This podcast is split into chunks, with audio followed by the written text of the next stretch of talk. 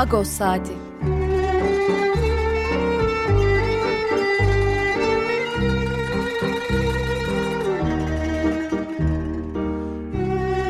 Haftalık Agos gazetesinin penceresinden Türkiye ve Dünya gündemi. Agos'un mutfağından haberler, söyleşiler, olaylar.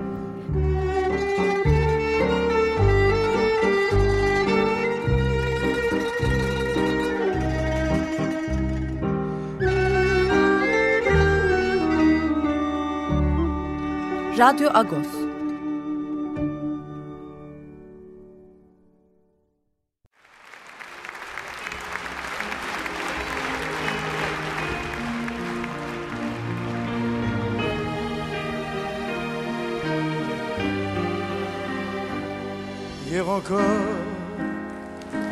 J'avais vingt ans, je caressais le temps et jouais de la vie comme on joue de l'amour. Et je vivais la nuit sans compter sur mes jours qui fuyaient dans le temps. J'ai fait tant de projets qui sont restés en l'air. J'ai fondé tant d'espoirs qui se sont envolés que je reste perdu, ne sachant où aller, les yeux cherchant le ciel et le cœur mis en terre. Hier encore, j'avais vingt ans, je gaspillais le temps en croyant l'arrêter et pour le même de devancer. Je n'ai fait, je n'ai fait que courir et me suis essoufflé, ignorant le passé, conjuguant au futur. Je précédais de moi toute conversation et donnais mon avis que je voulais le bon pour critiquer le monde avec des involtures.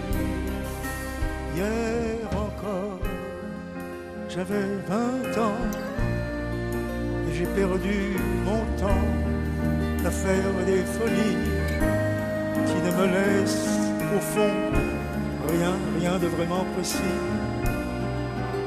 que quelques rides au front et la peur de l'ennui car mes amours sont morts avant que d'exister.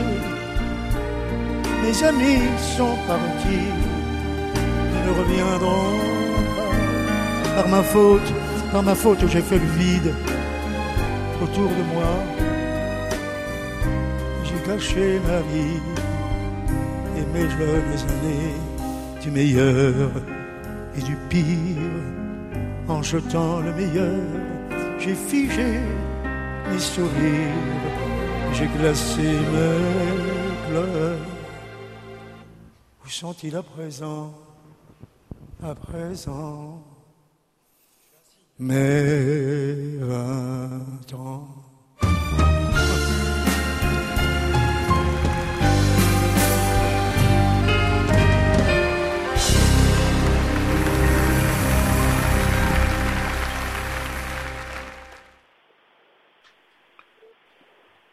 Radyo Agos'tan günaydın. Parlıyız. Ben Yetver Tanzikyan.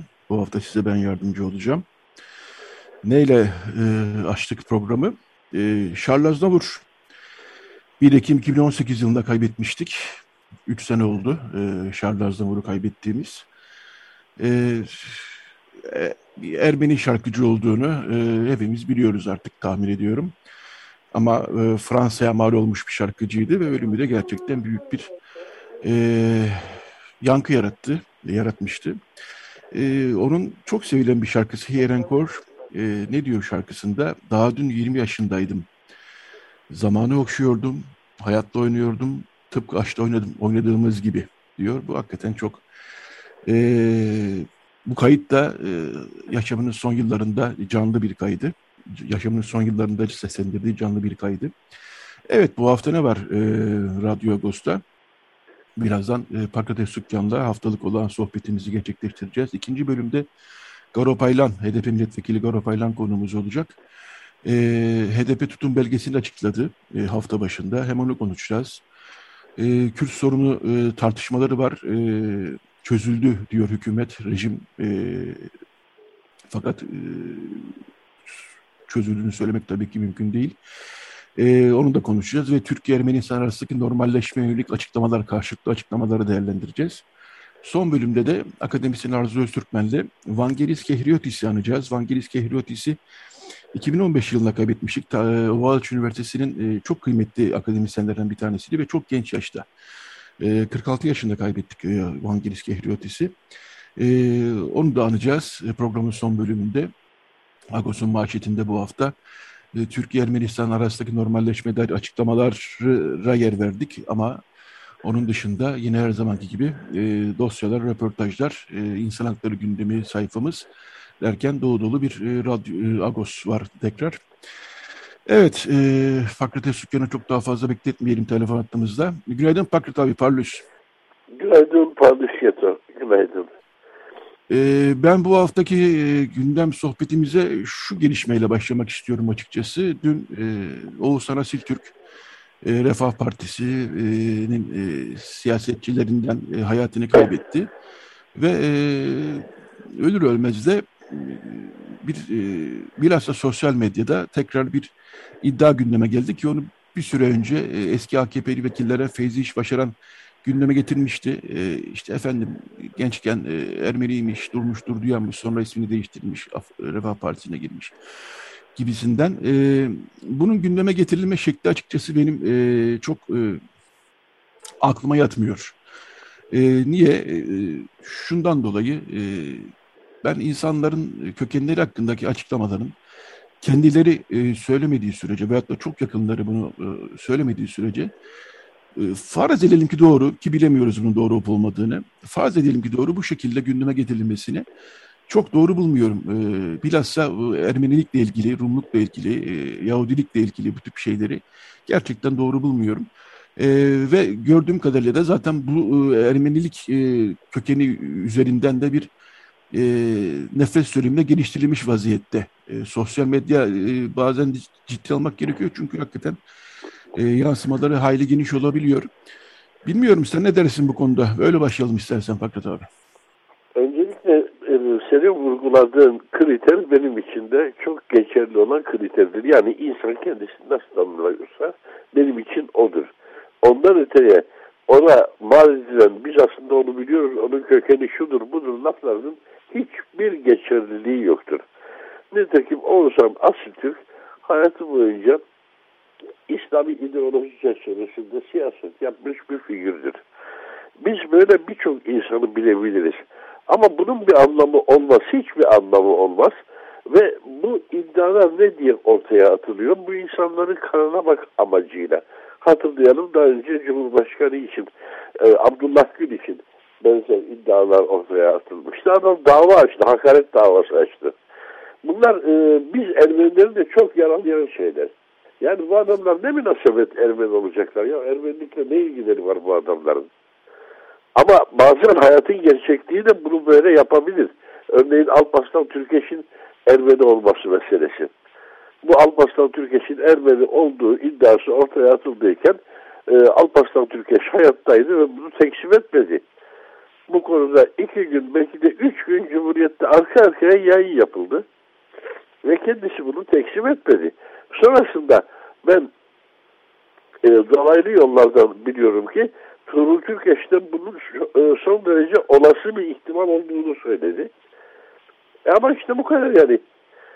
Ondan sonra Alparslan Türkeş'in Ermenilikte ne ilgisi var? Ne diye böyle şeyler üretilir akıl alacak gibi değildir. Sadece karalama amacıyla yapılmış şeyler. Ee, bu ne yazık ki Türkiye'de bir e, yaygın e, şey, e, nasıl diyeyim, e, anlayış. Yani burada bir e, etik bir, e, ben e, öyle düşünüyorum, burada etik bir e, anlayışın e, kriterin artık e, oluşması gerekir diye düşünüyorum. e, biraz evvel de söyledim yayını açarken. Eğer kendisi e, bunu açıklamıyorsa veyahut da çok yakını e, açıklamıyorsa akrabalık anlamında e, bunları e, dışarıdan insanların gündeme getirip işte bunun kökeni şöyledir, bunun kökeni böyledir deyip buradan yeni tevatürler üretmek, yeni e, nefret söylemleri üretmek, e, niyetleri her ne olursa olsun ama vardığı yer öyle oluyor tabii bu yayıldıktan sonra. Buradan yeni nefret söylemleri üretmek gerçekten kişilik haklarını da ben açıkçası bunun e, uygun Tabii, olmadığını düşünüyorum. Da, e, çok farklı boyutlar da var işin içerisinde. E, hiçbir şey siyah ve beyaz değil. E, farklı örnekler, farklı yaklaşımlar gerektirebilir. Örneğin Sabiha Gökçen'in Ermeni olduğu iddiası bambaşka bir boyut. Çünkü arkasında bambaşka bir hikaye var.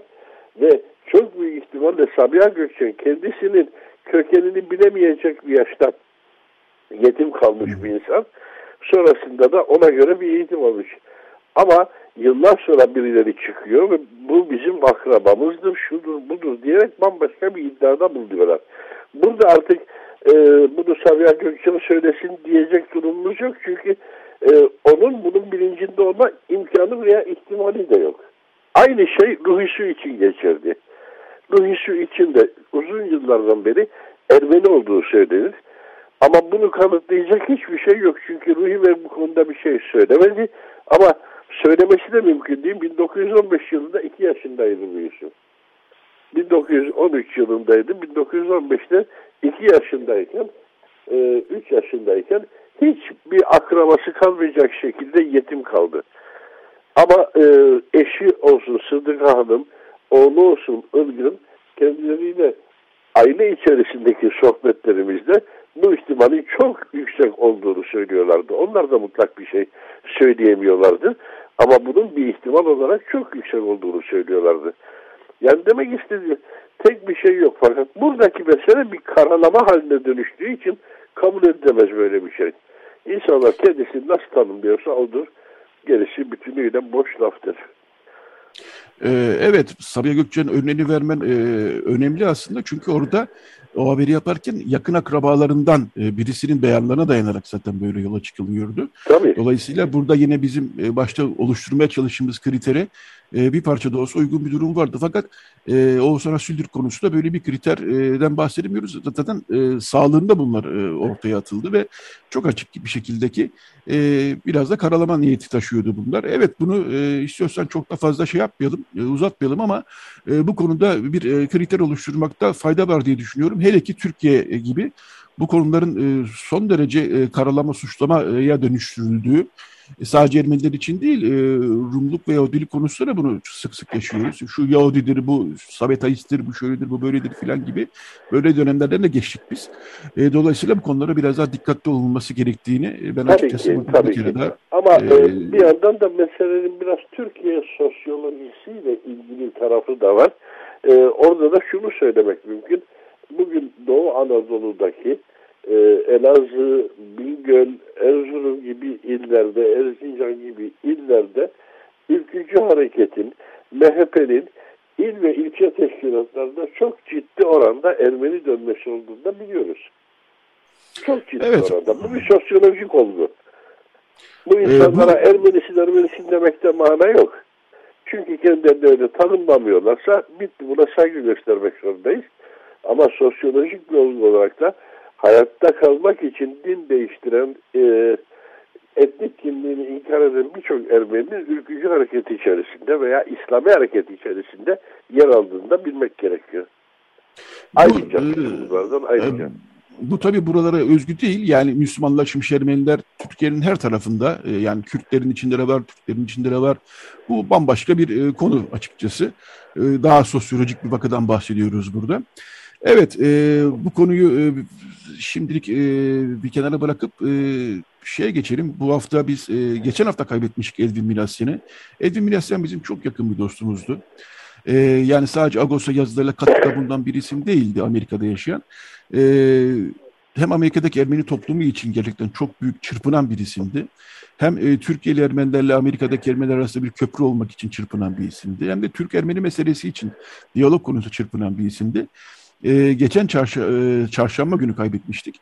E, geçen hafta e, Aris Nalcı'nın bir yazısıyla onu e, uğurlamıştık ama e, bu hafta e, Amerika'dan dostları, Türkiye'den dostları Yektan Türk Yılmaz, Ümit Kurk, Fethiye Çetin, Oannes Kulak, e, Garbi Sarafyan e, da yazılarıyla e, ve Zeynep Türk Yılmaz e, yazılarıyla e, Edwin Minasyen'i uğurladılar. Bu e, değer e, az bile Edwin Minasyen için. E, biz hiç karşı karşıya gelmedik. Hep telefonla e, konuştuk. E, e-mail üzerinden Minasyen'le. Sen ama Amerika seyahatinde gelmiştin. Evet. Sen neler dersin? Ocağında sen neler söylersin Edwin Minasyen için? Çıkmıştık.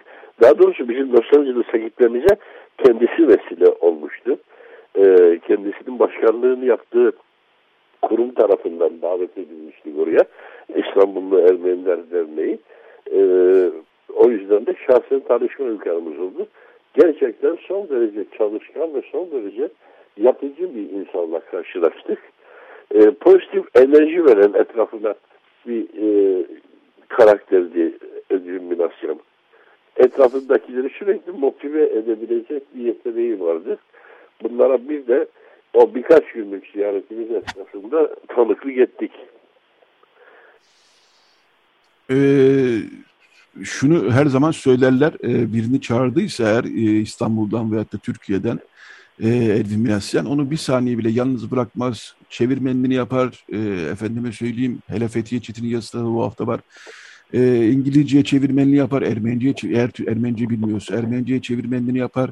Yani sadece organizasyon yapmakta kalmaz. E, konukların da neredeyse bir saniye boş e, e, yalnız bırakmayacak şekilde bütün vaktini de ona ayırırdı. E, geçen hafta hatta Haris Nalıcı e, şunu anlattı bize.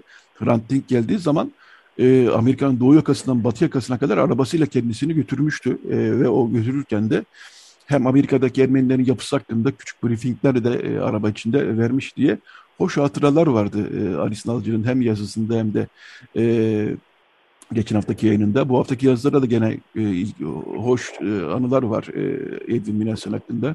Sizde de herhalde hiç yalnız bırakmadı diye düşünüyorum. E, evet e, ya da başka bir faktör daha var. E, Olandaş Kulak bu hafta bizde de Edwin'e dair yazısıyla yer alan arkadaşımız e, bizim çok yakın arkadaşımız Sayatlama Korosu'ndan ve biz gittiğimizde onda kaldık. O yüzden de bizim oradaki günlerimizi onun üzerinden de organize etti. Kendisi de biraz boş zaman bıraktı ama her dakikamızı takip etmekteydi. Hiçbir an boşlukta kalmamamız için büyük çaba sarf etti. Evet, e, Edwin Minasyan'ı hakikaten ne kadar burada ansak e, azdır. E, bir de genç yaşta kaybettik yine. E, bu yıl ne yazık ki böyle bir... Çok verimli evet. alacağımız evet. Çok verimli bir yaşta kaybettik. Bu yıl biraz 2021'de böyle e, tatsız bir sene e, olarak geçiyor. E, Türk Ermenileri, İstanbul Ermenileri açısından. E, Rafi Erman Araks'ı kaybetmiştik e, kısa bir süre önce. E, Garam amcanı kaybettik. E, Leo Halepli'yi kaybettik. Gerçekten e, Türk Ermeni toplumu yarattığı e, insanları, e, varından çıkardığı insanları genç yaşta kaybettiğimiz 2021 tatsız bir sene oluyor. Ekim ayına da geldik ama inşallah e, bu tatsız gidişatta e, yani genç kayıplar açısından e, biraz durur. Perşembe günü Ermenistan'da da şarkıcı Hayko'yu kaybettik ne yazık ki. Evet o da genç bir kayıp. O da genç bir kayıp. Eurovizyona katılmıştı Ermenistan adına. E, o da genç bir kayıp oldu. Bu haftaki e, Agos'un e, içeriğini ben biraz bahsettim aslında ama e, yine de birkaç e, satır daha söyleyeyim. İnsan Hakları Gündemi sayfamızda ilginç bir röportaj var bu hafta. E, Afganistan konusu gündemde. E, Afganistan'ın bir e, çile çeken bir halkı var Hazaralar. O Hazaralardan e, mensup bir ailenin mülteci kızıyla İnsan Hakları Gündemi sayfamızda bir röportaj yaptık. E, o röportajı hakikaten okumanızı tavsiye ederim. Arka sayfamızda yine İstanbul Ermenilerden 100 yaşını kutlayan bir e, Ermeni e, e, hoş bir röportajımız var. E, onun da buradan tekrar e, kutlayalım e, doğum gününü. E, hakikaten güzel bir röportaj oldu. E, onun dışında zaten her zamanki gibi haberler, dosyalar, röportajlar, e, köşe yazılarıyla e, Ağustos bu haftada bayilerde. Ermenice sayfalarda var mı bir şey Pakrat abi? Ermenice sayfalarda o bahsettiğim Bilgin Silarpi'nin e, röportajını biz de kullandık. Daha doğrusu Oriot Silarpi demem gerekecek. Evet Oriot Silarpi. Çünkü e, evlenecek zamanım yok ki gezmeyi seviyordun dedi. 100 yaşına kadar evlenmemiş. E, o röportaj var. Sonra e, Badem Ataran'la yani Ermenistan'daki el yazmaları kütüphanesiyle e, Giligya e, Manastırı'ndaki aynı içerikteki kütüphane bir e, anlaşma imzaladılar bu hafta. Kaynakların e, değişimi ya da ulaşılabilirliği anlamında dijitalleşmesi her iki kütüphanenin de anlamında malzeme tarafları zaten bu konuda epeyce bir mesafe alınmıştı. Şimdi onların desteğiyle aynı çalışma e, Beyrut'ta da yapılacak. Bununla ilgili kapsayıcı bir yazı var. Zombiler e, hem Ermenistan'ın 30. yıl dönümünü yani bağımsızlığın 30. yıl dönümü hem de hemen hemen e, aynı günlere denk geliyor birkaç gün arayla e, savaşın yani Karabağ Savaşı'nın birinci yıl dönemini, başlangıcının birinci yıl dönemini alan bir yazı yazmıştı. E, Katolik Ermeniler yeni bir başpatrik seçtiler Lübnan'da. E, o e, haberini biz geçen sayımızda yetiştirememiştik. Biz baskıya girdikten sonra gelmişti. Bu hafta onu biraz e, detaylı yaşam öyküsüyle e, falan vermeye çalıştık. Ermenice sayfalarda genel olarak bunlar. Onun dışında e, Türkçe sayfalardaki kimi haberlerde tabii Ermenice de göre yer buldu. Ee, Ermeni Katolik dünyasının yeni bir e, patlik seçmesi de e, aslında e, önemli. Şimdi Türk, er, Türkiye'deki Ermeni toplumu bilmenler için söylüyorum. Büyük oranda apostolik kiliseye e, mensup Ermenilerden oluşuyor. Bütün dünya Ermeniler için bunu söyleyebiliriz. Türkiye'de Katolik ve Protestan Ermeniler de var. Bunlar Ermeniler içinde azınlık diyebileceğimiz küçük bir gruplar oluyor ama yine de e, bir, çok tarihsel köklü gelenekleri var. E, hele hele e, Katolik Ermenilerin. Türkiye'deki e, Katolik Ermenilerin e, kerabazları e, Zekiyan e, ama e, bütün Ermenilerin e, Katolik Ermenilerin e, Fatih'i de e, Lübnan'da değil mi? Lübnan'da e, şey e, şey orada, e, makamı orada. Evet. Oraya da yeni bir oraya da yeni bir fatih seçilmesi e, Katolik Ermeniler açısından e, önemli bir gelişme. Geçen e, bir önceki fatih hayatını kaybetmişti. Değil mi abi? Evet, evet. Ee, sonrasında ee, aslında kendilerinin bir sinot toplantısı oldu ama o sinot toplantısında adaylardan hiçbiri gerekli sayıdaki oya ulaşamayınca e, Vatikan'ın müdahil olması söz konusu oldu. E, bu seçim şimdi Vatikan'da yapıldı. Evet, Vatikan'daki seçimde böyle bir e, seçimde oldu. E, birkaç dakika içinde de şunu e, konuşalım. E, geçtiğimiz hafta 2. Karabağ Savaşı'nın başlangıcının yıl dönümüydü. E, bir sene oldu. E, 27 e, Eylül'de başlamıştı. E, 10 Kasım'da da bitmişti. E, bu savaşta e, hayatını kaybedenler e, hem Ermenistan'da hem Azerbaycan'da e, anıldı ama Ermenistan'daki ama tabii daha e, nasıl diyeyim ağır bir anma oldu. Çünkü 3000'in çok üzerinde bir kayıptan bahsediyoruz Ermenistan için. E, bir kuşak genç bir kuşak neredeyse hayatını kaybetti. E, Azerbaycan'dan da amma haberleri geldi ama orada tabii bir zafer e, havasında bu anmalar yapıldı ve daha çok kayıplardan ziyade işte e, şu kadar yer aldık, bu kadar yeri e, kurtardık havasında Ali'nin açıklamalarından bahsediyorum. Oraya daha çok böyle bir hava damgasını vurdu ama Ermenistan'daki bir dakikalık saygı duruşu e, saat 11'de 27 Eylül'de e, ve işte Yerabbur'daki e, anıta e, kabristana yapılan ziyaretlerle e, hayatını kaybedenlerin de e, anıldığını bu hafta e, 27 Eylül'de onun notunda düşelim. E, var mı konuda? Düşelim. Bu arada ilginç şeyler oluyor orada. E, çok çarpıcı şeyler. E, politik olarak bu savaşın halen politik yansımaları e, devam ediyor Ermenistan iç siyasetinde. Latorinos mesela o e, törene katılmadı. Hı hı. Bu çok dikkat çekici bir şeydi. Ta, tam tersine o törenden bağımsız olarak kendisi bir heyetle aynı mekana gitti. Yani Yarapulu şehitliğine gitti. Kendisi de orada kendince dualar okudu, bir şeyler yaptı. Onların ruhu için, şehitlerin ruhu için. Ama resmi devlet protokolünde e, yer bulamadı. Bu çok çarpıcı bir şey. Hı hı.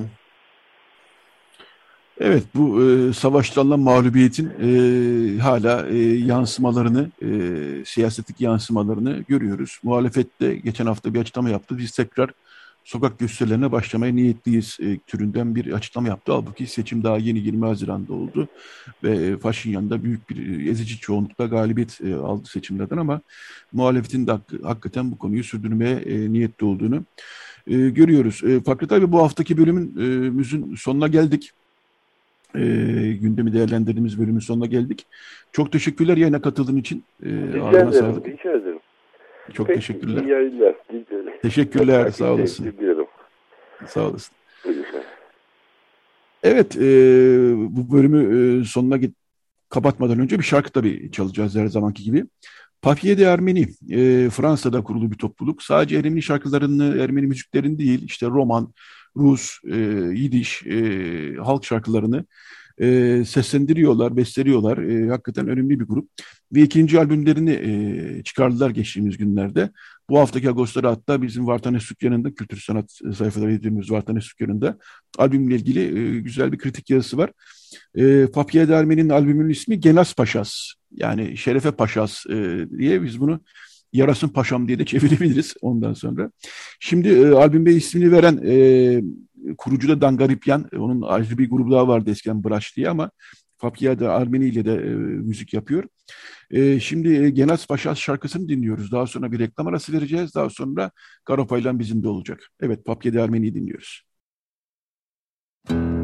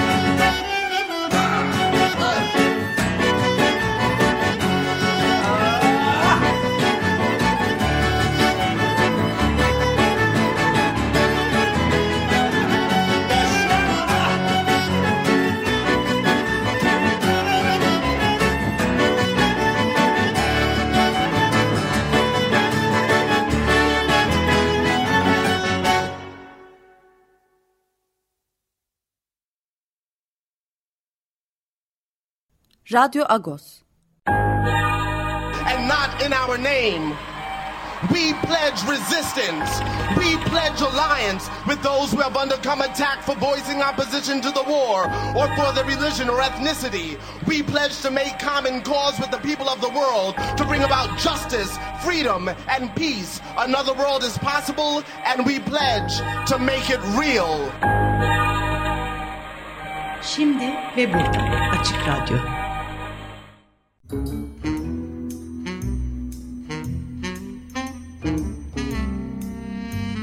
Reklamlar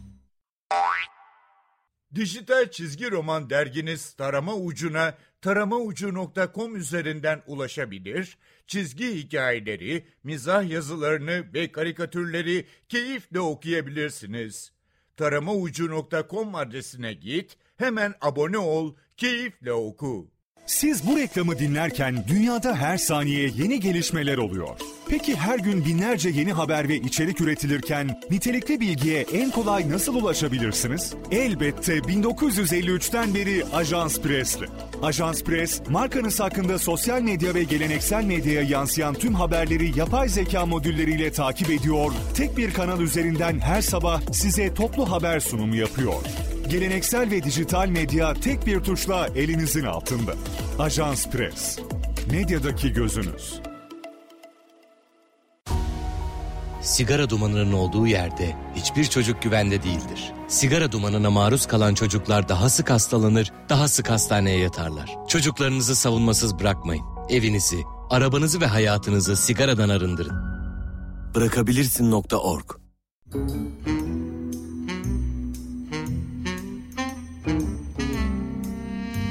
Reklamlar bitti.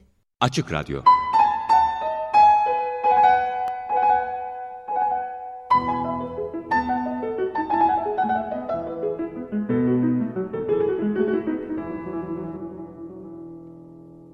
Radyo Agos.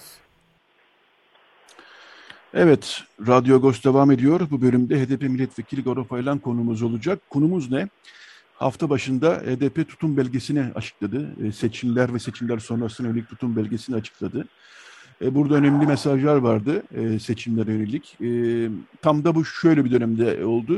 CHP lideri Kemal Kılıçdaroğlu HDP'yi meşru muhatap, meşru muhatap sayarız biz. Parlamentoda süzülmesi lazım Kürt sorununun dediği bir dönemde günlerde oldu bu açıklama ve hemen peşine zaten Kürt sorun tartışmaları geldi. E, hükümet e, e, Kürt sorun çözülmüştür artık yoktur e, dese de e, gerek hapisteki Kürt siyasetçiler gerekse de e, HDP tabanındaki e, düşünceler ve HDP'deki düşünceler durumu pek de böyle olmadığını bize gösteriyor zaten. E, öncelikle bunu konuşacağız Garopaylan'a. Daha sonra da Türkiye ile Melisa'nın arasındaki normalleşmelilik açıklamalar ne derece yankı buluyor? E, bunu konuşacağız. Günaydın Garo, hoş geldin Parlus. Parlus Yeto, günaydın. E, Garo önce istersen şöyle başlayalım. Tutum belgesi e, açıklandı. E, büyük gazeteler, büyük medya olmasa da e, bağımsız gazetelerin çoğu, e, hepsi hemen hemen yer verdi edebinin tutum belgesine. E, daha çok ittifak kurulacak mı, kurulmayacak mı? Buralardan bakılmaya çalışıldı. E, o öne çıktı ama sen e, tutum belgesiyle ilgili e, bir şeyler söylemek istersen e, hangi noktanın altını çizmek istersin? Elbette Yeto. Yani e, Türkiye Türkiye çok kritik günlerden, aylardan ve yıllardan geçiyor ve tek adam rejimi ülkemizi derin bir karanlığa doğru sürüklerken toplum bir umut arıyor, bir değişim istiyor. Bu karanlıktan çıkmanın yolunu arıyor. Ve e, bazen bu siyaset biraz sığlaşabiliyor. Yani tek adamı sevenler ve tek adamı nefret edenler noktasında sığlaşabiliyor. Ve tek adamdan kurtulmanın tek yol olduğunu düşünebiliyor. Ama bu bir siyasetsizliktir. Elbette tek adamdan kurtulmalıyız. Ama tek adamdan kurtulurken de e, daha demokratik düzene geçmeliyiz. Biz bu tutum belgemizde yani hep beraber kazanalım adını verdiğimiz tutum belgemizde veya demokrasiye çağrı, adalete çağrı, özgürlüğe çağrı ismini verdiğimiz tutum belgemizde Türkiye'de bu geçiş döneminin nasıl olabileceğini tanımladık. Elbette herkes seçimler boyutuyla bakıyor. Seçimlerde HDP ne yapacak diye bakıyor ama mesele yalnızca seçimler değil. Bu seçimlerden önceki süreçte ne yapacağız? Seçimde ne yapacağız? Ve seçimden sonraki bu yıkım yaratan süreci nasıl tekrar demokratik bir düzene taşıyabileceğiz meselesidir. E, ve bu tutum belgemizi e, eğer okumayanlar varsa okumalarını tavsiye ederim. İşte biz bu geçiş döneminin nasıl olması gerektiğini ortaya koyduk. Hangi ilkeler çerçevesinde olması gerektiğini ortaya koyduk. Ve meselenin yalnızca bir Cumhurbaşkanı adayı değil, o Cumhurbaşkanı adayının hangi ilkeler çerçevesinde görev yapacağını taahhüt etmesi gerektiğini ortaya koyduk. Ee, ve bu, bu noktalarda eğer ki Türkiye'nin ihtiyacının bu olduğunu ortaya koyarak buna bu konuda ortaklaşabilirsek Türkiye'nin demokrasiye tekrar taşınabileceğini ortaya koyduk. Ve eğer ki şunu da söyleyeyim Yeto, bu e, şu noktada bakmak gerekir. Hep HDP biliyorsunuz Cumhur İttifakı zaten HDP'ye bir düşman hukuku uyguluyor. Millet İttifakı'nın birleşimi olan partiler de HDP ile henüz bir hukuk, hukuk kurabilmiş durumda değil. Bu aslında bu belge e, demokrasiye inanan bütün güçlere, yalnızca siyasi partilere değil 84 milyon yurttaşımıza bir çıkış yolu gösteren ve HDP'lilerin uzattığı bir toplumsal mutabakat, bir toplumsal uzlaşma elidir. Bu el maalesef şimdiye kadar net bir şekilde tutulabilmiş değil. Bizse hem siyaseten hem de Türkiye'nin gerçekleri e, gereği bütün sorunlarımızı çözmek için, hiçbir sorunumuzu geri planda bırakmamak için bu elin tutulması gerektiğini düşünüyoruz. Tutum belgemizde çok önemli ilkeler var. Bu ilkelerden birisi en çok tartışılan tabii ki Kürt meselesi. Biz şunu söylüyoruz, Kürt meselesine bakış e, bir turnusol kağıdıdır. Türkiye'de Kürt sorunu çözme iddiası olmayan bir siyasetin demokratik bir siyaset olma olasılığı yoktur. Tersinden bir bakar, bakarsak da demokratikleşmeyen bir Türkiye'nin de Kürt sorunu çözme iddiası yoktur. İşte bu iki meselenin iki cümlede aslında baktığımızda birbirine yaklaşması hem yeni siyasetin Kürt sorunu çözme iddiası olması hem de yeni siyasetin demokratik bir siyaset olması iddiası konusunda biz bir iddiayı ortaya koyuyoruz. Elbette 11 maddemiz var ama en çok tartışılanı Kürt sorunu olduğu için bunu söylüyorum. Bunun yanına siz Alevi sorununu da aynı e, cümle için ekleyebilirsiniz. Ermeni sorununu da aynı başlık etrafında ekleyebilirsiniz. Veya demokrasiyle ilgili bütün sorunlarımızı aynı başlık etrafında ekleyebilirsiniz.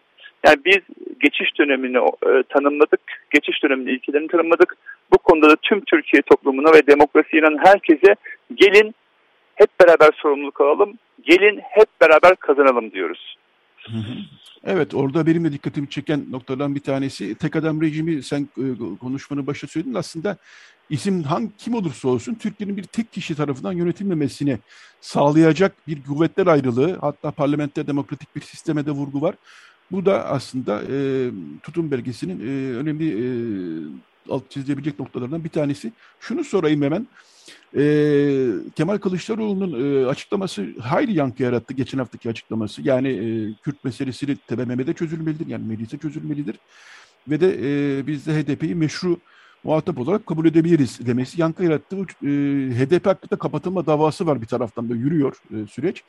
E, siz HDP olarak e, Kılıç, yani CHP'nin e, Kılıçdaroğlu, lideri Kılıçdaroğlu'nun bu çıkışını Nasıl değerlendirdiniz? Onu da sorayım sana. Ee, Sayın Kemal Kılıçdaroğlu'nun çıkışı çok önemlidir, e, değerlidir ama yetersizdir. Yani şimdi e, şunu söyleyeyim, elbette demokrasinin kırıntılarını aradığımız günlerdeyiz. HDP'li siyasetçiler cezaevinde, sevgililerimiz olan Selahattin Demirtaş, Pegen Yüksekdağ şahsında binlerce siyasetçi, milletvekili cezaevinde, belediyelerimizin hepsine kayyum atanmış. Her gün HDP'lilere düşman hukuku uygulanan günlerdeyiz. Günlerde böyle bir açıklama kıymetlidir ama yetersizdir.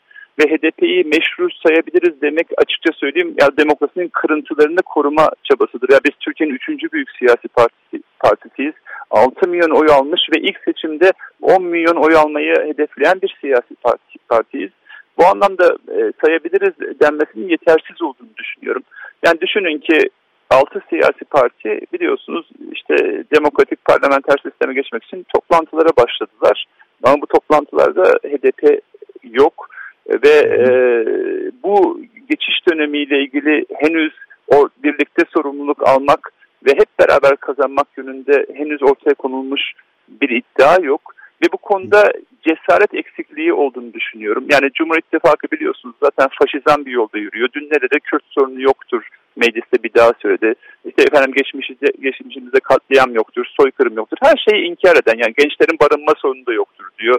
Yoksulluk da yoktur diyor. Enflasyon da yoktur diyor. Yani her şeyi inkar eden bir tek adam rejimi var. E, bunun karşılığında bunun panzehirini ortaya koymamız gerekiyor. Yani toplumu ayrıştıran, kutuplaştıran siyasetten eğer vazgeçtireceksek Türkiye'yi, başka bir düzleme geçeceksek bu HDP'siz olmaz. Biz hep şunu söylüyoruz. Tek başına HDP ile olmaz. Yani bu demokratik geçişi evet biz gücümüzün farkındayız. İlk seçimde %15 oy alacağımızı veya üstüne çıkacağımızı düşünüyoruz. Ama tek başına HDP ile olmaz diyoruz. Demokrasinin gereği uzlaşmadır, müzakeredir. Ama HDP'siz de olmaz diyoruz. Matematiksel bir gerçek var. Siyaseti bir kenara koyalım. Yani Cumhur İttifakı maalesef hala anketlerde toplamında %40'a varan bir oy gözüküyor. E, Millet İttifakı'nın da e, anketlerde %40 civarında bir oyu var. E, bir %15'lik bir HDP gerçekliği var. Belirleyici olacak ve HDP tutum belgesi net bir şekilde şunu söylüyor. Biz bu gücümüzü Türkiye'yi demokrasiye taşımak için kullanacağız. Türkiye'yi demokrasi, tek adam rejimden kurtarmak için kullanacağız diyoruz ve belirleyici bir gücüz, anahtar bir gücüz. Henüz bu güce e, doğru mukabele eden, buna ilgi gösteren, bununla müzakereye açık olan, bu konuda cesaret gösteren bir adım yok. Ve matematiksel olarak şunu da söyleyeyim Yeto. %40 artı 50, 15-55 yapmaz. 70 yapar, 75 yapar. E, tıpkı 2014 yılında biliyorsun çözüm süreci günlerinde Türkiye'de çözüm sürecine destek %75'in altına düşmemişti. Çünkü o zaman bir cesaret gösterilmişti. Tamam eksikti, fazlaydı, her türlü eleştiriyi baş göz üstüne diyoruz. Ama şimdi demokrasi konusunda amasız fakatsız bir iddianın ben %75'lere çıkacağını ve bu tek adam karanlığını tarihin çöp sepetine e, atacağını düşünüyorum.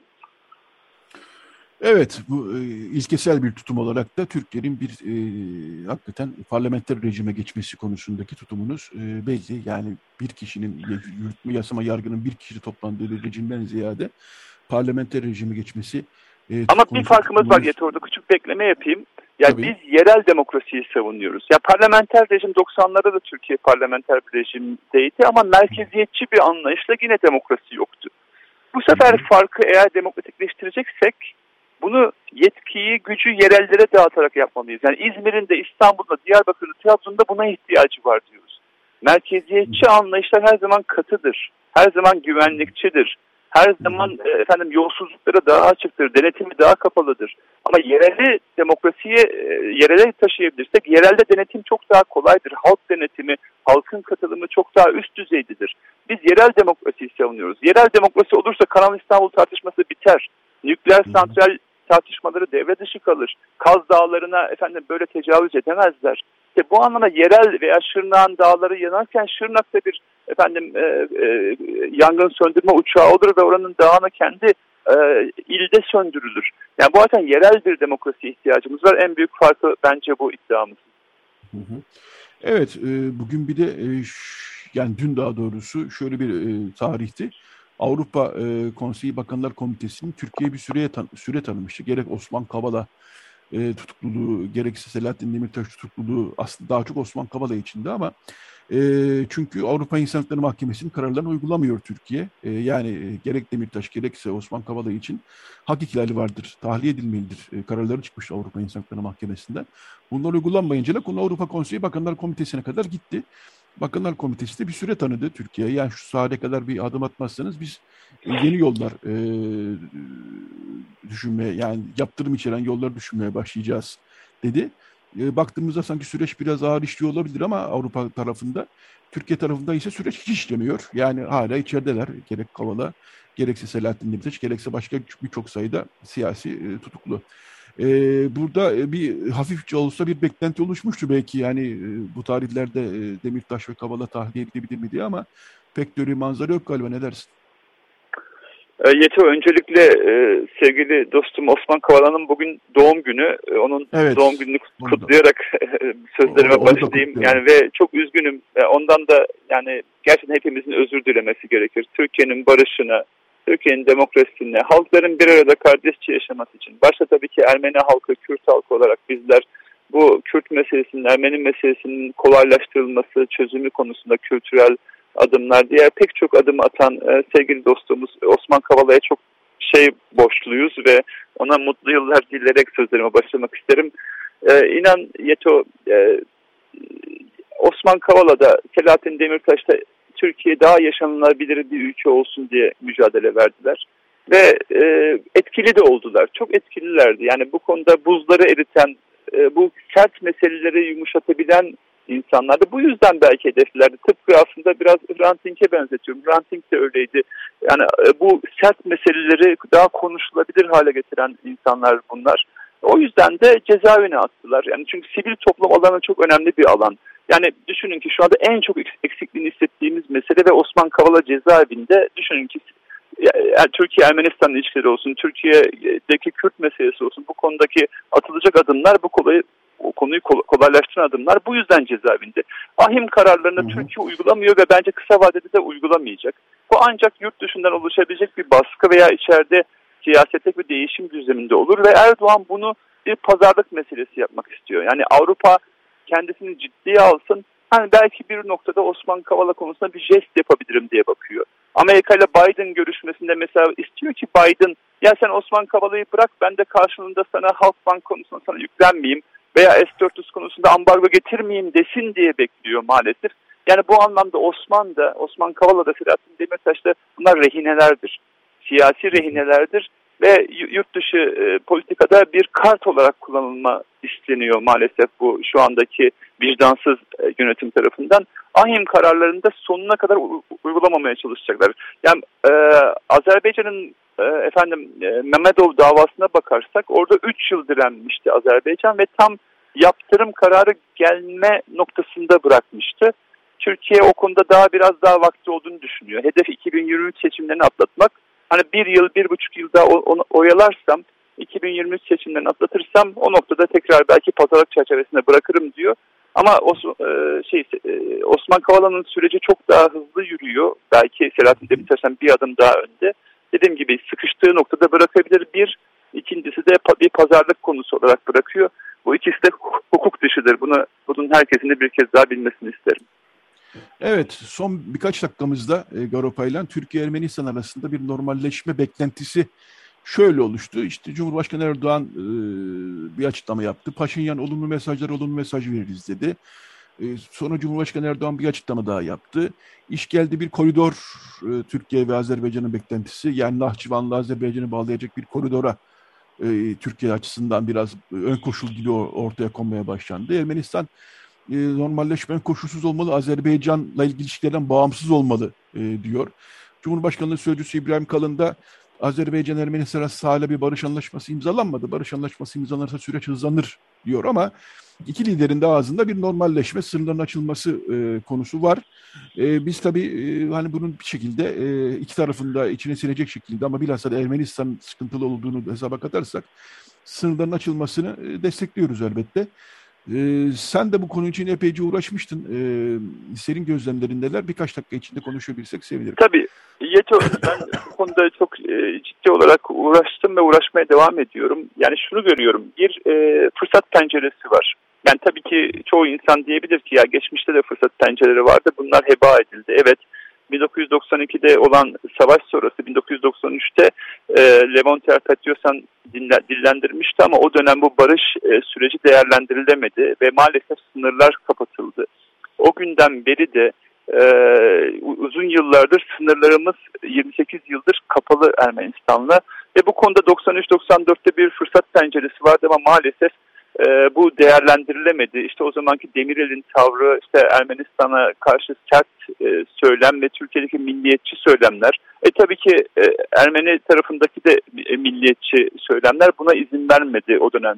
E, 2008'de biliyorsun bir futbol diplomasisi adına bir futbol e, fırsat penceresi vardı. Protokolleri imzalanmıştı. Ama maalesef Erdoğan daha sonra Azerbaycan'dan gelen baskı sonucu bu normalleşme masasını devirdi. İkinci fırsat e, penceresi öyle heba edildi. Şimdi maalesef bir savaş sonrası yani geçen yıl yaşanan e, e, feci bir savaş sonrası yaşanan binlerce yaşadığımız ölümler sonrası şimdi yeni bir fırsat penceresi var Yeto. Ve ben bu konuda gerçekten adımlar atılmaya hazır olduğunu düşünüyorum. Ee, bu konuda da mesela Türk Meclis'teki bütün siyasi partilerle görüşüyorum. Dış ilişkiler sorun, sorumlularıyla veya Türkiye'deki hükümetin temsilcileriyle görüşüyorum. Hepsi bu konuda adım atmaya hazır olduklarını söylüyorlar. Ermenistan'da da bu konuda bir söylem var. Yani normalleşmeye hazırız e, söylemi var. Ancak ben sıkıntıyı şurada görüyorum. Yani Türkiye toplumunun ilgisi çok düşük bu konuya. Biliyorsun geçmişte 2008'deki adımlarda çok yüksek bir ilgi vardı. Kamuoyu ilgisi vardı. Şu anda o ilgi yok. Sivil toplumun da çok sınırlı bilgisi var. Aydınların, yazarların çok düşük bir ilgisi var. Bu konu yazılmıyor, çizilmiyor ya da çok fazla önemsenmiyor e, bu siyasi cendere içinde veya Erdoğan'a çok güvenilmiyor. Erdoğan nasıl olsa e, bunları söyler ama başaramaz diye bakılıyor ama bence böyle bakmamalıyız. Çünkü bazen böyle fırsat pençeleri heba edilebiliyor. Sonra normalleşme adımları olmuyor ve yeniden milliyetçi bir söylem devreye geçip e, o 5 yıl 10 yıl daha bu süreç unutulabiliyor. Ben bu konuda herkesin bu konuda düşünmesi gerektiğini e, salık veriyorum. Yani sivil toplumun, aydınların, yazarların bu konunun yazılması, çizilmesi, düşünülmesi ve tekrar kültürel adımların, efendim pek çok ekonomik konuda olsun, mesela sanayi odaları, ticaret odaları, e, TÜSİAD bu konuda ekonomik noktada neler yapılabilir, sınır açılırsa nasıl gelişmeler olabilir, kültürel kuruluşların bu konuda düşünmesi, diğer kur, e, bütün sivil toplum kuruluşlarına adım atması gerektiğini düşünüyorum siyasetçileri cesaretlendirilmesi gerekir. Yani siyasetçileri cesaretlendiren şey toplumun bu konuda yarattığı baskıdır. Ben ya Türkiye için de söylemiyorum bunu. Ermeni dünyası içinde. Ben birkaç kez Ermeni medyasına konuştum bu bir, bir ay içinde. Yani Ermeni dünyasında Türkiye'nin bu konuda adım atma noktasında olduğunda nasıl karşılık vereceğini düşünmesi gerekir. Ee, buna hazır olması gerekir. Ya bu konuda düşünsel anlamda eksiklik olduğunu veya sivil toplum anlamda eksiklik olduğunu, siyasetin ise bu konuda niyet beyanının ortaya koyduğunu görüyoruz. Daha fazla bu konuda düşünmeliyiz. Türkiye-Ermenistan sınırını açmalıyız. Yani ilk adım şu olmalı. Ermeni Türkiye 28 yıl önce biliyorsun tek taraflı olarak sınırı kapattı YETO. Şu anda da ilk adım olarak benim tavsiyem e, ön koşulsuz olarak sınırı açmasıdır. Veya diplomatların karşılıklı olarak büyükelçilerin atanmasıdır. Diplomasi ilişkisini sağlarsak sınır kapımızı ilk etapta açabilirsek yani komşunun kapınız açık olan bir komşuyla sorunları çok daha rahat çözersiniz. Veya Türkiye ne yapıyor? Şu anda Rusya üzerinden Ermenistan'la konuşmaya çalışıyor veya Ermenistan Rusya üzerinden Türkiye konuşuyor. Oysa sorun çözmek istediğiniz bir komşunuzla kapınız açık olmalı veya büyükelçileriniz üzerinden veya doğrudan Dışişleri Bakanlarınız üzerinden konuşmaya başlamalısınız ki sorunlarınızın çözüm iradesi olsun. Şimdi konuşulan şey bir barış anlaşması değildir normalleşme adımlarıdır. Normalleşmede kapının açılmasını ve diplomatik ilişkilerin geliştirilmesini gerektirir. Sonra tabii ki çok meselemiz var. Bunları da konuşmak için bir e, bu konuda kapının açık olmasıyla e, ve diplomatik ilişkilerin başlanmasıyla sorunun çözüm adımlarını atmaya başlayabiliriz. Normalleşmenin aslında açıklaması budur. Evet, e, çok uzun süredir kapalı bir sınırdan bahsediyoruz. Yani komşu iki ülke.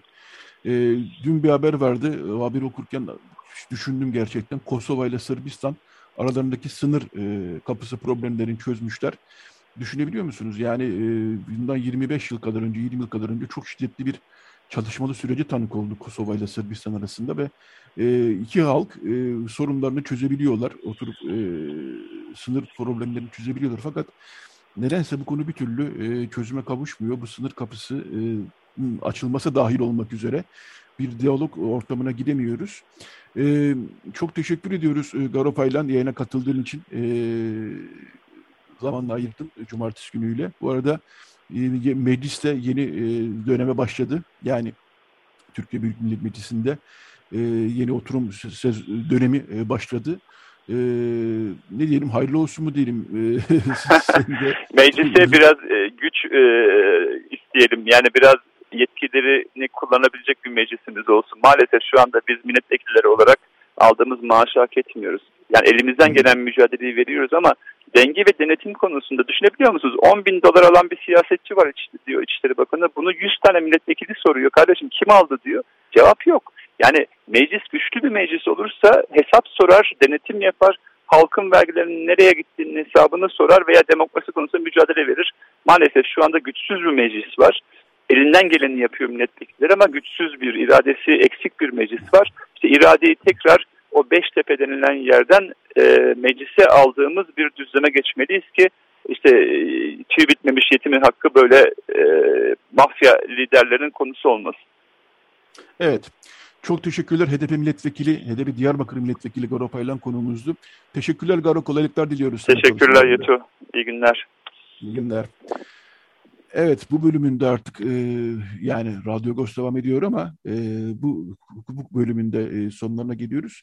Bu bölümü de e, saat 10'dan sonra e, akademisyen Arzu Özsürfmen'le konuğumuz olacak ve onda Vangelis Kehriotis'i anacağız. E, 2015 yılında e, hayatını kaybetmişti. 20, 27 Ağustos 2015 yılında Boğaziçi Tarih bölümünün çok sevin hocalarından bir tanesiydi. 46 yaşında e, hayatını kaybetti. E, 30 Eylül onun doğum günüydü. Onun doğum günü vesilesiyle de Boğaziçi Üniversitesi akademisyenleri e, her gün e, direnişlerini sürdürüyorlar bu kayyum ataması, rektör atamasına karşı. E, 30 Eylül'kü direnişlerinde de Vangelis Kehriotis'i andılar. E, biz de e, hem doğum gününden hem de bu anmadan yola çıkarak Vangelis Kehriotis'i anacağız. Ama bu bölümü kapatırken Ruhusuyla kapatacağız. E, 20 Eylül'de onu da kaybetmiştik. 1985'i kaybetmiştik. 20 Eylül 1985'i kaybetmiştik Ruhusu'yu. Ruhusu'dan mahsus mahalle dinleyelim. Daha sonra bir reklam arası, daha sonra Radyo Ghost devam edecek.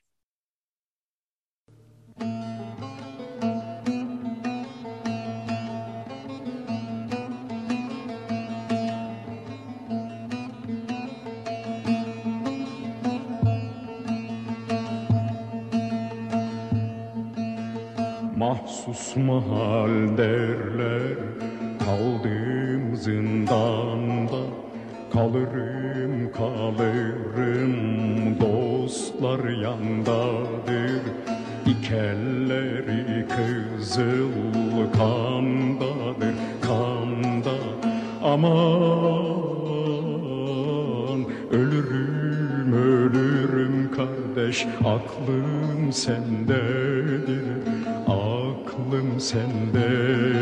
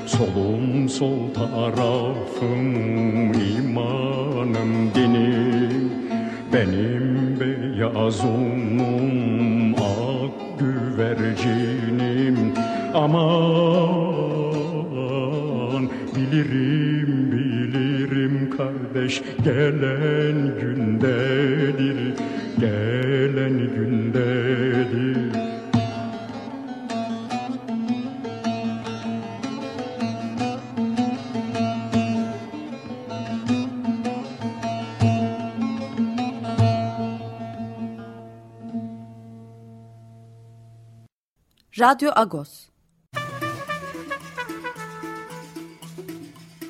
Kainatın tüm seslerine, renklerine ve titreşimlerine açık radyo.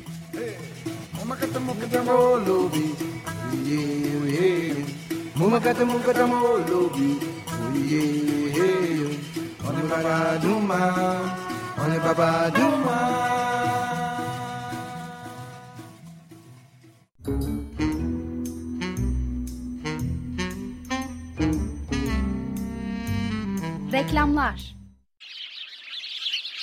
Kuşların sesi bu kez cazı müjdeliyor.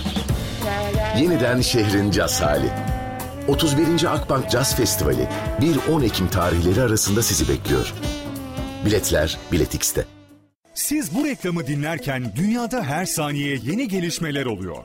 Peki her gün binlerce yeni haber ve içerik üretilirken nitelikli bilgiye en kolay nasıl ulaşabilirsiniz? Elbette 1953'ten beri Ajans Press'le. Ajans Press, markanız hakkında sosyal medya ve geleneksel medyaya yansıyan tüm haberleri yapay zeka modülleriyle takip ediyor, tek bir kanal üzerinden her sabah size toplu haber sunumu yapıyor. Geleneksel ve dijital medya tek bir tuşla elinizin altında. Ajans Press. Medyadaki gözünüz. Sigara dumanının olduğu yerde hiçbir çocuk güvende değildir. Sigara dumanına maruz kalan çocuklar daha sık hastalanır, daha sık hastaneye yatarlar. Çocuklarınızı savunmasız bırakmayın. Evinizi, arabanızı ve hayatınızı sigaradan arındırın. Bırakabilirsin.org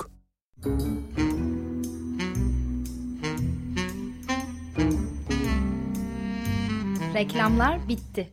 Açık Radyo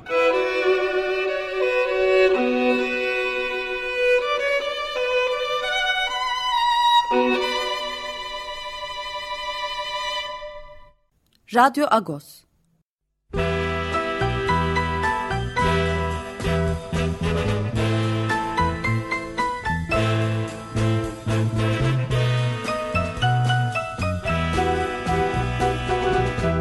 Dinero chachatzi a pirmera la ciega Ta hurir arna yetzi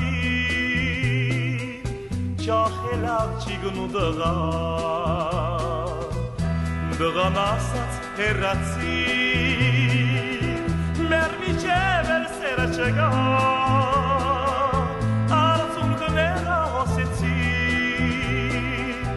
դու խաչերի ցաղ չգա ու գարգնեցի նրան լու անջատ մատիշ տնոկու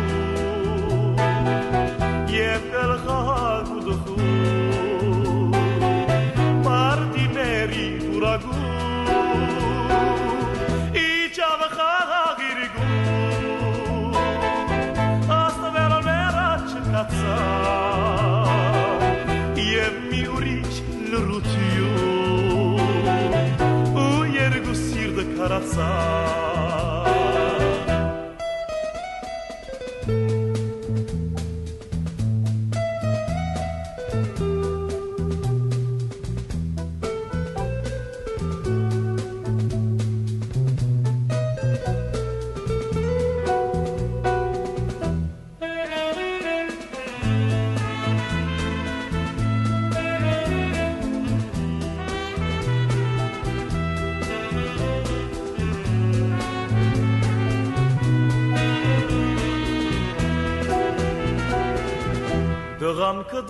ուրիշ է մոռացավ այն աղջիկա մի ուրիշ ներշիկա է որ հմայել էլ նրա բարդիները խշացին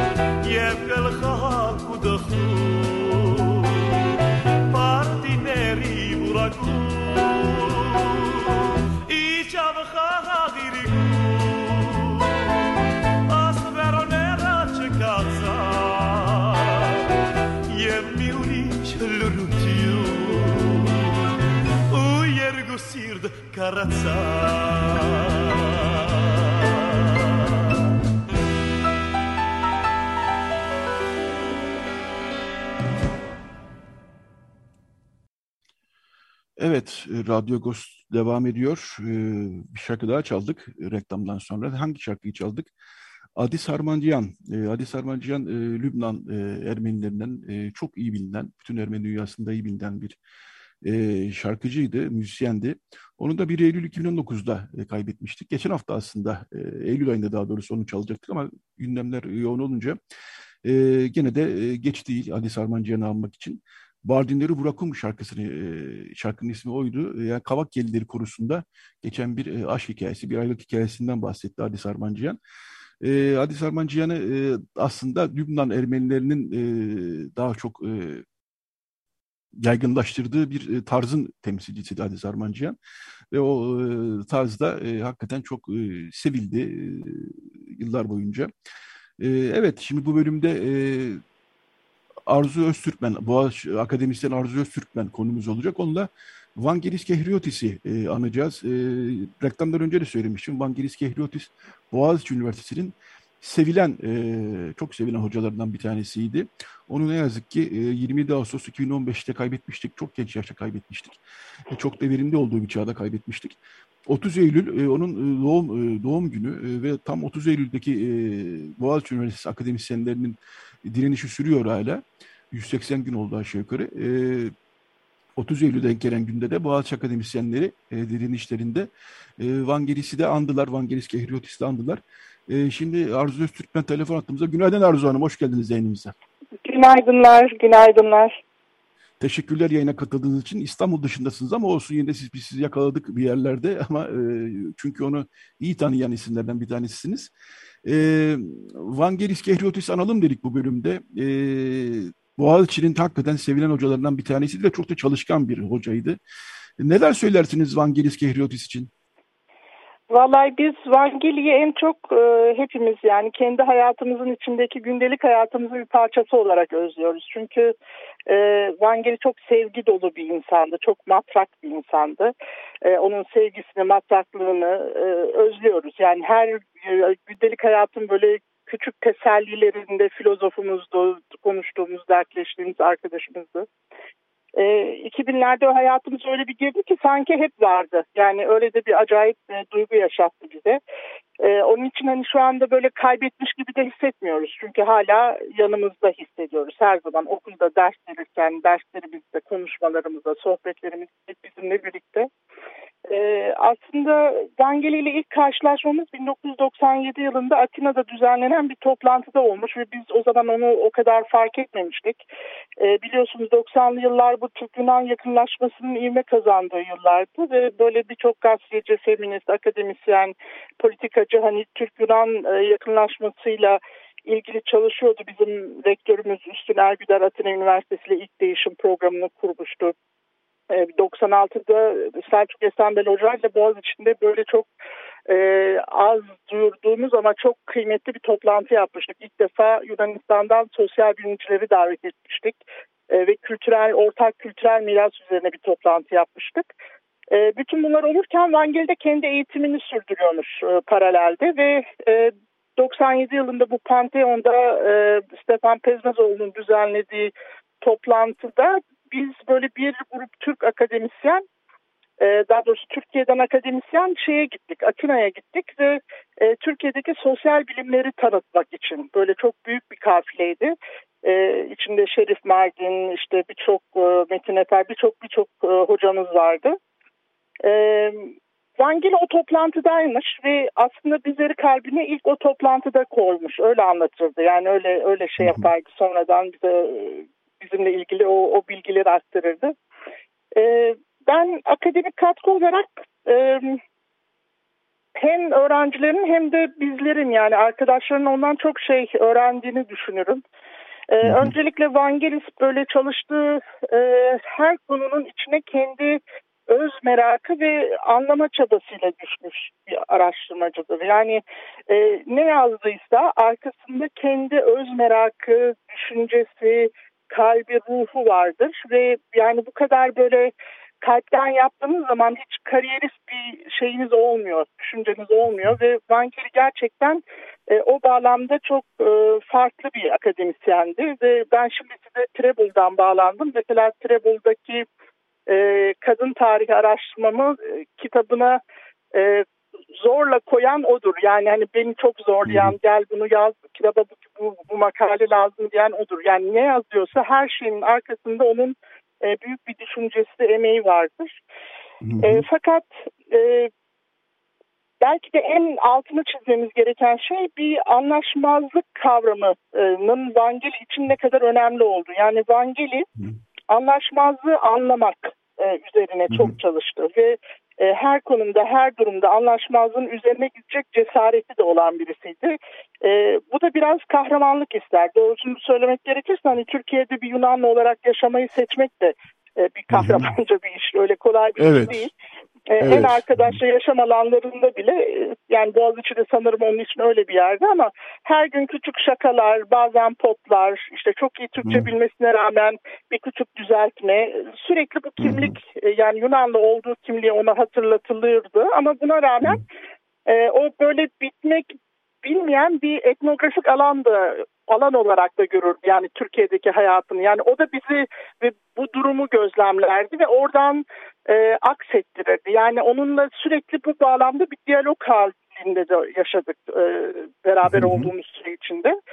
E, burada belki biraz Vangeli'nin anarşist duruşundan da bahsetmek gerekir. Hani Türkiye'de anarşizm böyle çok negatif, hep böyle sol militanlık, sokak terörü vesaire onlarla e, ilişkilendirilir ama e, özel anlamında hani anarşizm aslında e, modernitenin önümüze koyduğu düzenin aksayan çok önemli boyutlarını eşitsizlik, temel haklar, kamusal yarar gibi konuları böyle sorgular ve e, bu çerçevede kendi hayatını da düzenler. Yani bir anarşist anarşist gibi yaşar öyle diyelim.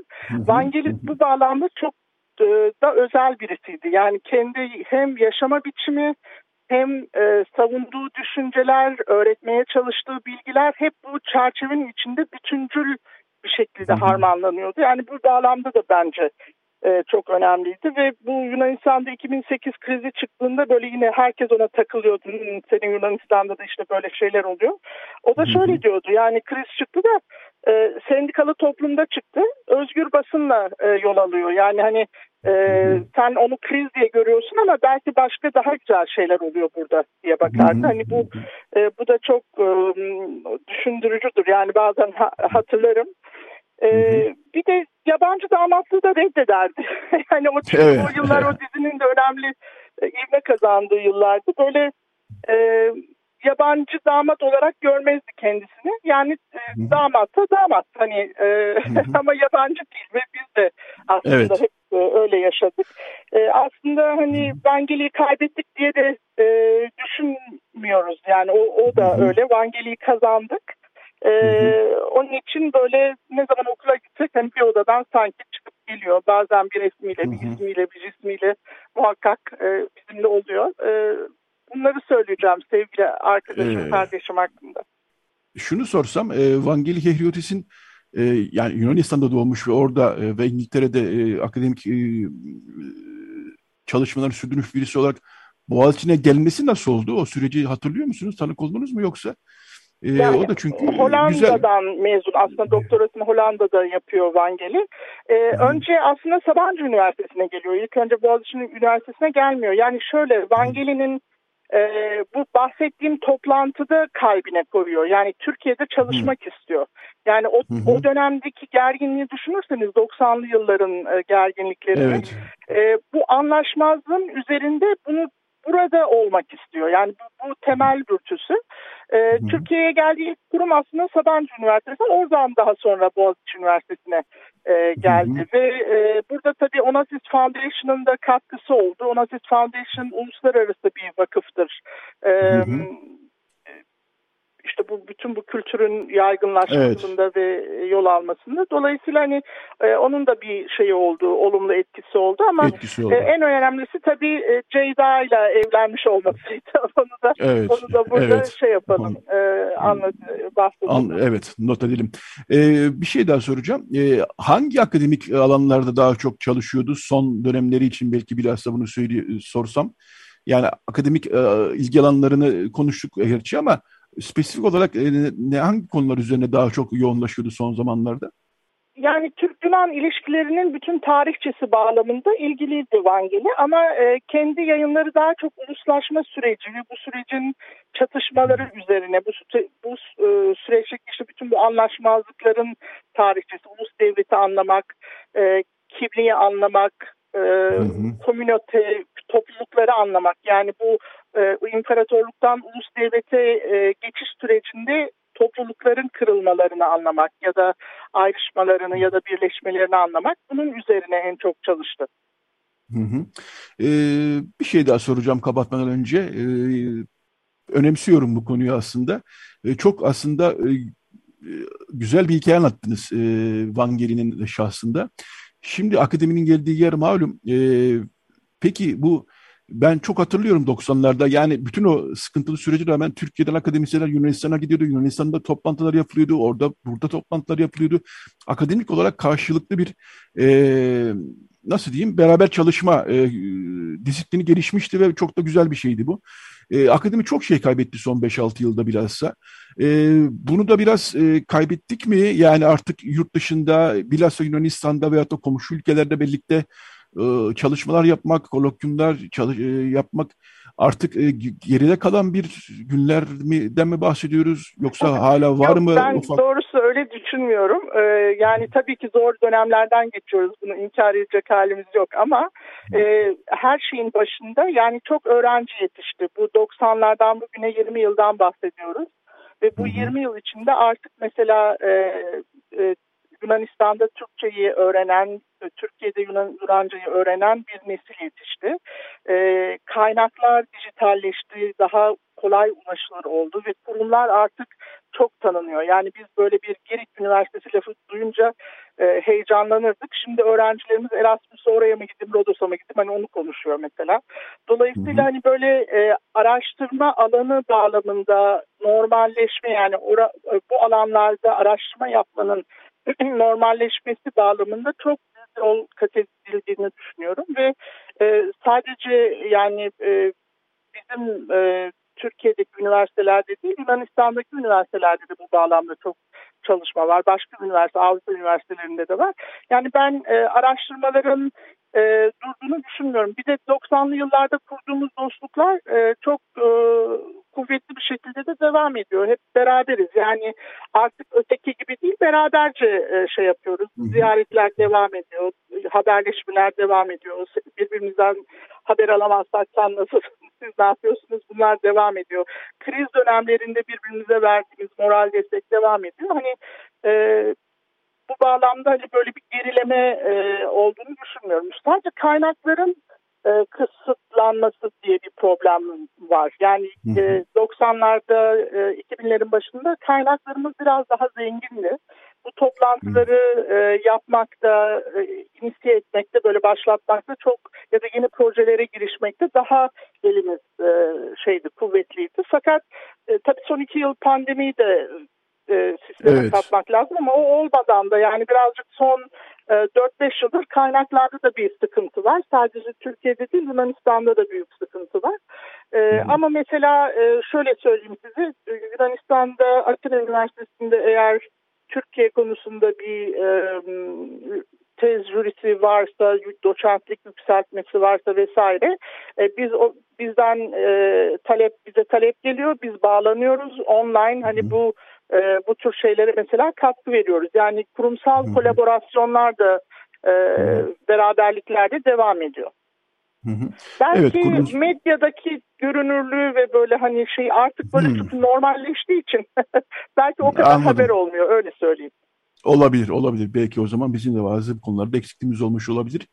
Ee, çok teşekkürler Arzu, e, çok teşekkürler Arzu Öztürkmen Boğaziçi Üniversitesi akademisyenlerinden e, yayınımıza katıldı. E, Vangeli Kehriyotisi andık. E, daha adanmak isteriz aslında çünkü hakikaten çok kıymetli bir akademisyenden bahsediyoruz. Gerek yaptığı çalışmalarla gerekse de e, varlığıyla, e, sevilmesiyle Boğaziçi Üniversitesi'nde. E, çok teşekkür ediyorum Arzu Hanım yayınımıza katıldığınız için. Valla ben de çok teşekkür ediyorum. Trevel'dan da bütün e, hem Vangelime hem de bütün arkadaşlara çok sevgiler, selamlar yolluyorum. Çok, çok teşekkürler, sağ olun. Size de kolaylıklar diliyorum. Evet, e, Radyo Gus'unda artık e, yavaş yavaş sonlarına geliyoruz. E, bugün 2 Ekim, e, haftaya e, 9 Ekim olacak ama haftaya pazar günü de e, 10 Ekim. 10 Ekim e, Ankara katliamının yıl dönümü.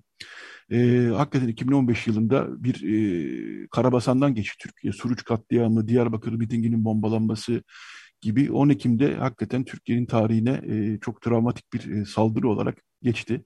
E, 10 Ekim e, katliamının e, yıl dönümü yaklaşırken e, hala burada e, bir e, adalet e, olmadığını görüyoruz. Yani adil bir yargılanma olmadığını, bu e, katliamın arkasındaki arka planın e, gün yüzüne çıkmadığını görüyoruz. Ee, evet, e, Türkiye'de adalet ne yazık ki e, bilhassa son yıllarda artık iyice tıkanmış vaziyette. E, tutukluluk bir taraftan yaygınlaşırken muhalif kesime yönelik bu tip can kayıplarıyla, bu tip saldırılarla, bu tip gaddarca saldırıların arka planı, devletin haberi var mıydı yok muydu gibi son derece kritik soruların yanıtları ne yazık ki bulunamıyor, araştırılmıyor daha doğrusu. E, bunu da bir hafta boyunca işleyeceğiz 10 Ekim katliamını ama e, gerçekten Ankara Garı'ndaki e, IŞİD saldırısından bahsediyorum. E, çok sayıda insanın hayatını kaybettiği IŞİD saldırısından bahsediyorum. Hala e, o saldırının travmasını psikolojik olarak yaşayanları var, yaralananları var, e, sakat kalanları var. Gerek Suruç katliamı, gerekse 10 Ekim katliamı gerçekten Türkiye'nin o e, Haziran seçiminden e, Kasım seçimine giderken 2015'teki çatışmalı sürecinin çok kritik aşamalarından bir tanesi ve o aşamanın hala e, açıklığa kavuşturulmaması, arka planın, geri planın, perde arkasının açıklığa kavuşturulmaması büyük bir eksiklik. E, bu adalet talebi e, hala yükseliyor ve o adalet talebinde buradan tekrar ben de bir kez daha e, hatırlatmak istiyorum. E, evet şimdi artık yavaş yavaş e, Radyo Gus'un sonuna geldik. Üçüncü bölümde sonunca beraber Radyo Gus'un bu haftalık sonuna geliyoruz. E, Recide Beren Baltaş e, yardımcı oldu bize. Kapatırken de e, açarken Charles Aznavur'la açmıştık. Kapatırken de Charles Aznavur'la e, kapatmayı e, uygun buldum açıkçası. Ee, bir düet e, dinleyeceğiz. Dalida'dan. Dalida da bizim e, sevdiğimiz e, müzisyenlerden bir tanesi. Onu da kay, kaybettik. O da Fransa'da bütün kariyerini inşa etti. Az Charles Aznavour'la Dalida'nın bir e, düetini e, dinleyeceğiz şimdi. E, Candon Semö 1967 yılından bir kayıt bu. E, burada bir e, böyle bir inişi çıkışlı ilişkisi olan bir çiftten bahsediyoruz. Birbirimizi sevdiğimizde e, diyor e, şarkı. Evet, e, Şarlan Zavur ve Dalida ile e, o zaman bu hafta e, sonlandıralım.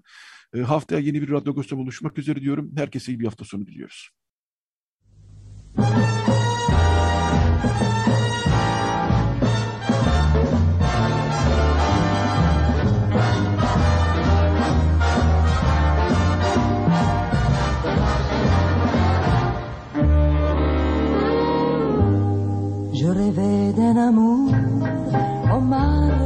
siècle, hors de toute portée et détaché du temps.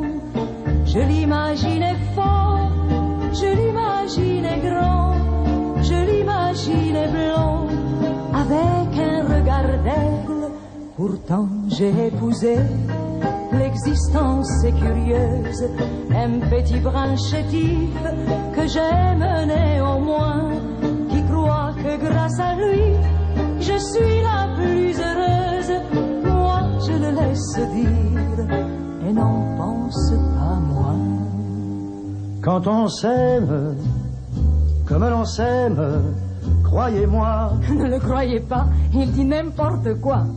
Le temps coule et se déroule dans la joie. Pour lui peut-être, moi je le trouve ennuyeux. Quand on s'aime, comme l'on s'aime, sans détour. Il n'a que ça dans la bouche, c'est pour se convaincre. Les jours filent, calmes et tranquilles, nuit et jour. Avec la vaisselle qui vole partout dans l'appartement, oui. Et je t'aime tant qu'un jour, si tu partais, je me tuerais. Ah, s'il disait vrai, je partirais, mais c'est un tel menteur. Heureusement, notre amour est si fort qu'il durera jusqu'à on s'aime, comme l'on s'aime, sans détour. Sans détour Il vaut mieux entendre ça que d'être sourd. La vie passe sans qu'on se lasse, mon amour. Oh mon amour, mon amour, mon amour, mon amour. Quand on s'aime, comme l'on s'aime, croyez-moi. Il est merveilleux. Il croit ce qu'il raconte, vous savez. Le temps coule et se déroule dans la joie. Mais de quelle joie il parle, je vous demande un peu, de la sienne Quand on s'aime, comme on s'aime, sans détour. Égoïste, c'est le roi des égoïstes, l'empereur des égoïstes. calme et tranquille, nuit et jour. Pour lui, le pacha, moi je me crève dans la maison. Pour te protéger mon cœur, s'il le fallait, je me battrais. Je serais curieuse de voir ça, Samson et Dalida. Pour te garder entre nous, je l'avoue, mon amour je donnerai tout. Ça m'étonnerait, radin comme il est. Comme l'on s'aime, sans détour. Allez, je chante avec lui, sinon il va encore me faire une scène. La vie passe sans qu'on se lasse. Mon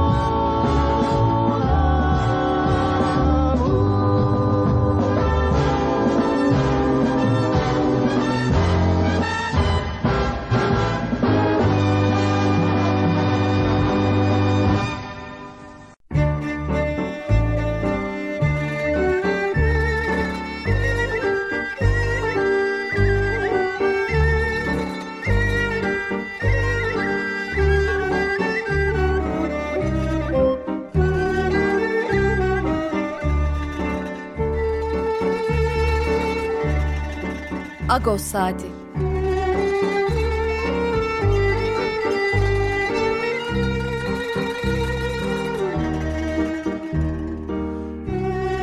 Haftalık Agos gazetesinin penceresinden Türkiye ve dünya gündemi. Agos'un mutfağından haberler, söyleşiler, olaylar.